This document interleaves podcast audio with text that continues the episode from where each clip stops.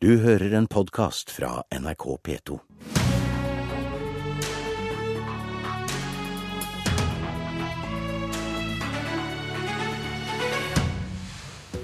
Fins det fortsatt potensial for det breie asylforliket det har vært så mye snakk om? Eller kan Frp sikre innstramminger med knappast mulig flertall? Politisk kvarter prøver å finne ut hva dette kan ende med. Gjester i dag er Frp, Ap og KrF. God morgen i studio i Ålesund, Harald Tom Nesvik, parlamentarisk leder i Frp. God morgen. Etter FrPs gruppemøte i forgårs jobber nå de to regjeringspartiene på Stortinget med å konkretisere innstrammingstiltak. Og um, Din kollega i Høyre, Trond Helleland, han sa i går at denne lista da trolig blir presentert over helga. Jeg lurer på, hvem blir da de tiltakene presentert for? Det er alltid slik at uh, Fremskrittspartiet og Høyre som regjeringsparti uh, har en avtale med Kristelig Folkeparti og Venstre om alltid å gå først til Kristelig Folkeparti og, Venstre for, for, å søke et, et bredt samarbeid der i forbindelse med alle saker som vi behandler på mm. Stortinget. Men det sier seg sjøl at også disse sakene her, så er det en fordel å få flest mulig partier til å stå sammen om disse innstrammingsvedtakene. Så her vil vi invitere alle partier til å være med på, eh, på de innstrammingsforslagene okay. som man fremmer. Men dere inviterer da først til en samtale i et rom med KrF og Venstre? I henhold til samarbeidsavtalen så gjør vi selvsagt det. Kan KrF og Venstre da påvirke innholdet i den lista i disse samtalene, eller må de bare ta stilling til om de er for eller mot? Eh, nå tar vi først diskusjonene før vi eh, går inn og konkluderer, men det er helt åpenbart at nå må vi sørge for å få på plass innstrammende tiltak. Vi har allerede en eh, asylavtale med Kristelig Folkeparti og Venstre som ligger i forbindelse med den samarbeidsplattforma som man har. Og Så er det å få se på hvilke mulighetsrom som ligger der og i tillegg kommet med en rekke andre forslag. Ok, Så når du snakker om mulighetsrom, da er det en åpning for at KrF og Venstre kan påvirke innholdet? Altså, Hvis man skal skape flertall for noe, så ser vi også frem til om KrF og Venstre også har eh, helt sikkert ideer om, eh, om ulike tiltak eh, som man også må se på i disse sammenhengene. Det gjelder også andre partier. Både Senterpartiet og Arbeiderpartiet har også varsla at man ønsker innstramminger, og vi ser frem til at de enkelte partiene nå synliggjør hvilke type tiltak man ønsker å fremme. Men er det da, siden du da nevner Senterpartiet og Arbeiderpartiet, er det aktuelt å la de rød-grønne partiene kunne påvirke en avtale om konkretiseringa av asylflyktningområdet, da? Ja, nå sa jeg akkurat at vi ser frem til at også andre partier kan komme med, med sine innspill, sine forslag, slik at det man kan få vurdert det også. Det har vi eh, sagt hele tida. fordi at eh, nå må vi sørge for å raskt komme i gang. fordi at vi kan ikke fortsette med den eh, migrasjonen migrasjon som vi nå ser inn til Norge, mm. der vi nå har et, veldig, et så høyt antall som kommer over norskegrensa at vi faktisk ikke klarer å håndtere situasjonen på en skikkelig måte. Men noe av grunnen til at jeg spør om dette er at for I debatten i går så sa Siv Jensen, eller da kritiserte hun opposisjonen for å ville diskutere, og så sa hun at, at de kan bare slutte seg til. Eh, så det, det jeg lurer på er, er dere faktisk åpne for å diskutere og endre den tiltakslista også etter innspill fra de rød-grønne partiene, eller må de ta stilling til, slutte seg til eller ikke?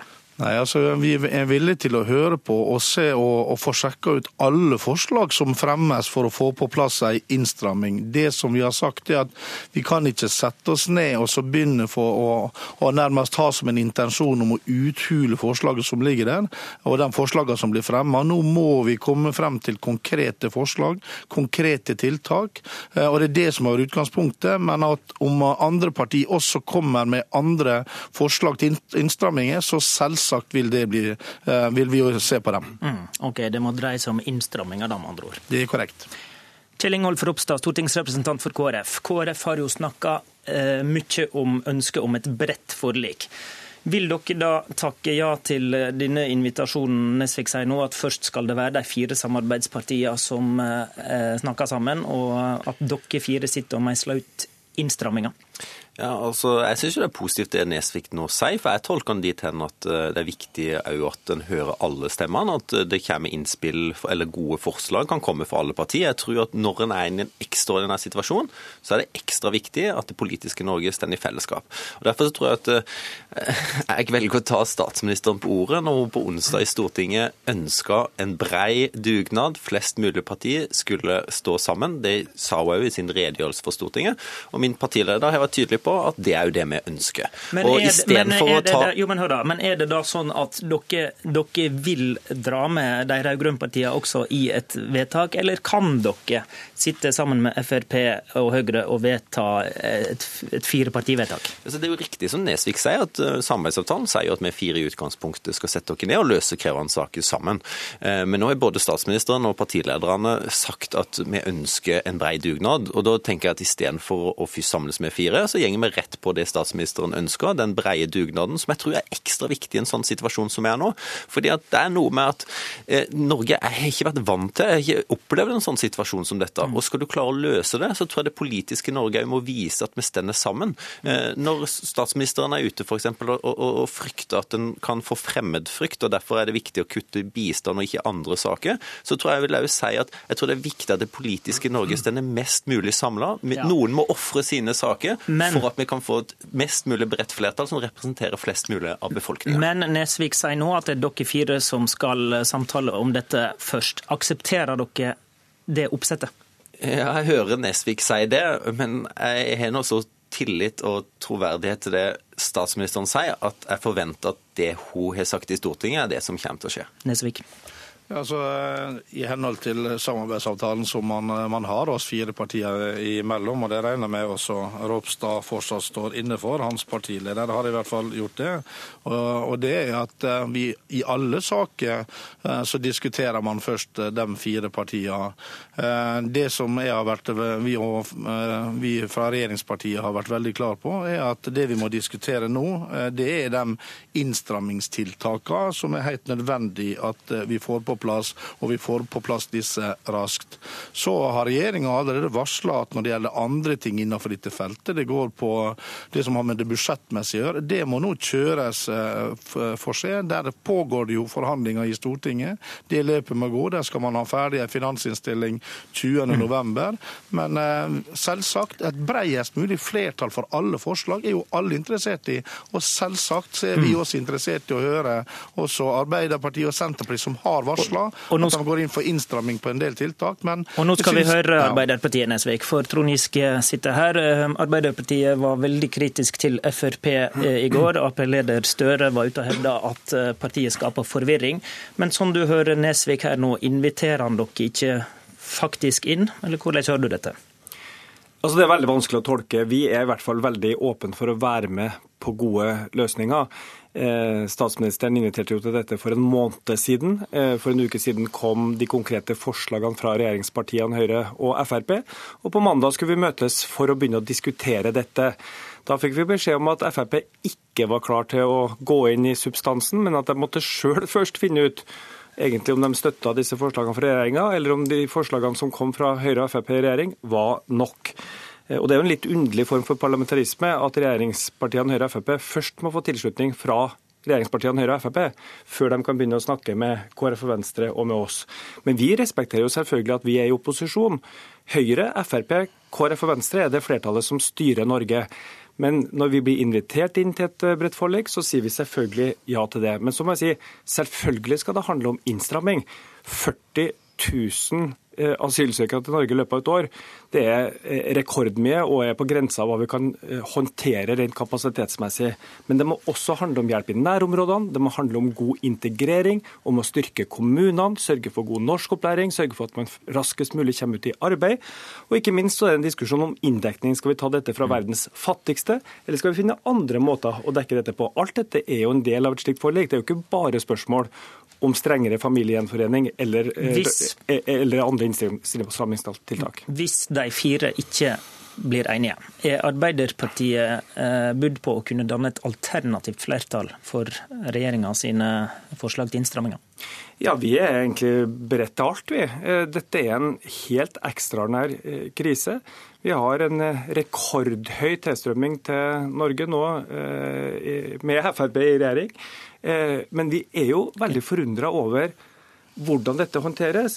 Frp sier at man ønsker innstramming i kontantstøtteordninga. Vel, Frp har barne- og familieministeren. Frp sier at de ønsker innstramming i eh, folketrygdsreglene. Frp har arbeids- og sosialministeren. Frp sier at de trenger et strengere regelverk og raskere asylbehandling. Frp har justisministeren. Ja, men Er ikke det greit at de konkretiserer den lista som du egentlig drar nå, da? Jo da, men det vanlige i Norge er jo at de statsrådene som har den utredningskapasiteten, den innsikten, det regelverket som man forvalter, legge dette fram for Stortinget. Men det Frp sier at nei, regjeringa har ikke gjort jobben godt nok. Vi stoler ikke på våre egne statsråder, ikke på Robert Eriksson, mm. Eh, ikke på, på, på de andre. Eh, og dette må vi håndtere i FrPs gruppe, og så skal vi andre sitte og vente mens det haster å få gjort noe. Nesvik. Ja, eh, det, det, er klart at nå, nå henviser Trond Giske sjøl til parlamentarismen, og man sitter i en mindretallsregjering. For Stortingets side så er det Stortinget som fatter lovvedtak. Det er Stortinget som fatter bevilgninger asyltilstrømninga, og det vet Trond Giske veldig godt. Når det gjelder asyltilstrømninga, så tror jeg den eh, ville pågått akkurat nå, uansett hvem som hadde sittet i regjering. Men, men hvorfor, var det, hvorfor var det, nødvendig å, å, å konkretisere den lista som regjeringa la fram på fredag, mer, da? Jo, for en del av det som ligger der, er knytta til vurderingsmessigheten. Og til slutt så må man komme til Stortinget for å få de endelige vedtakene for å gå videre, fordi det er Stortinget som fatter de konkrete vedtakene. Det vi gjør nå, er at vi kan gå inn og så har vi konkretisert opp en del av av eh, innholdet i dette, slik at Stortinget kan fatte si vedtak og regjeringa kan iverksette eh, umiddelbar beslutning. Det er det som det dreier seg om. Det er det som parlamentarismen også dreier seg om. Nettopp at det er Stortinget som er den lovgivende og bevilgende myndighet, og gir den marsjordren. I tillegg, men hvis jeg bare kan få ta den biten der nå. Eh, og det er knytta til, til, hva man skal diskutere. Ja, altså, for Fremskrittspartiets side har vi hele tida sagt vi kan ikke sette oss ned og, så, og, og diskutere hele det breie asyl- og innvandringsspørsmålet nå. Nå må vi sørge for å få på plass de innstrammende tiltakene. I, til, I den forbindelse har også regjeringa varsla mm. at man vil komme med integreringsmelding. Det budsjettmessige som Trond Giske knytter, som tar opp her, knytta til det bevilgningsmessige, ja det er, er, i det tillegget. Det ligger i statsbudsjettet allerede nå, og der forhandler man om de tinga. Og der venter vi nå på de eh, innspillene også fra KrF. Vi skal høre mer oppstand. Er det greit å begrense dette til begrens... Nei, unnskyld, til innstramminger? Eh, ja, langt på vei så er det jo det. Eh, det er riktig som Nesvik sier at det skal komme en egen stortingsmelding om integrering. Men det er klart at noe av det som har budsjettmessige konsekvenser, er jo forslagene fra regjeringa om å kutte i norskopplæring. Eh, og vi tror jo at her må en tenke to ting på en gang. En skal både klare å håndtere den ekstraordinære situasjonen der det kommer titusenvis, samtidig som en skal se at 80% av de som iallfall kommer fra, fra visse områder, kommer til å ha, få opphold i Norge og derfor må integreres. Og jeg vil bare si det at med... så, så, dere vil snakke om integrering også i denne sammenhengen? Ja, jeg tror det, altså, det er jo en del av det som uh, regjeringa har lagt fram til Stortinget. og jeg tror det er lurt at vi forholder oss til det partilederen i Frp la fram for Stortinget, og at det er utgangspunktet for forhandlingene. Giske? Ja, det er ikke noe tvil om at En del av den akutte krisa vi står i nå, er jo kommunenes kapasitet til å ta imot disse folkene. Vi hørte på TV i går, ordfører etter ordfører sier at dette er veldig vanskelig å håndtere. Så det må jo være en helt åpenbar del av det. Gode mottakssentraler. Men så bare helt til slutt. Frp fikk jo allerede i 2013 fullmakt fra et flertall i Stortinget til å stramme inn på familiegjenforening, til å stramme inn på midlertidig opphold, til å styrke norskferdigheter og til å effektivisere saksbehandlinga, redusere klagemulighetene. NRK talte opp i, går 13 av 18 innstramningstiltak som ble vedtatt i 2013 er ikke gjennomført av regjeringa. Da, da er det for, forunderlig at Nesvik nå skal ha en idédugnad for å finne ut hva man skal gjøre. Da skal Nesvik få svar på det til slutt. Ja. Hvorfor ikke bare gjennomføre her, Nesvik? Ja, for det er derfor det, Den vedtakene vi fremmer nå, eh, er nettopp for å iverksette. Når det gjelder det som har med de innstrammende tiltakene som man har i forbindelse med eh, samarbeidsavtalen, ja, så er jo nettopp problemet her at der fikk man altså beskjed fra Kristelig Folkeparti om at man måtte ikke være så opptatt av nettopp det som har med det å, å sende ut og stramme inn, men men også se på de andre tingene i en større sammenheng. Når det gjelder det med norskopplæring, så vet også Ropstad det går rett og slett på kapasitet. Det går på å ha muligheten til å gi god norskopplæring til dem som skal være her. Det er Superkort til slutt, Nesvik. Er det aktuelt å lage et alternativt flertall, bl.a. med Arbeiderpartiet? Ti sekunder. Regjeringspartiene kommer til å søke flertall der flertallet finnes. Vi går alltid først til KrF og Venstre, men det er innstrammingstiltakene som her er viktige. Takk til Harald Tom Nesvik, Trond Giske og Kjell Ingolf Ropstad. I studio var Håvard Grønli. Du har hørt en podkast fra NRK P2.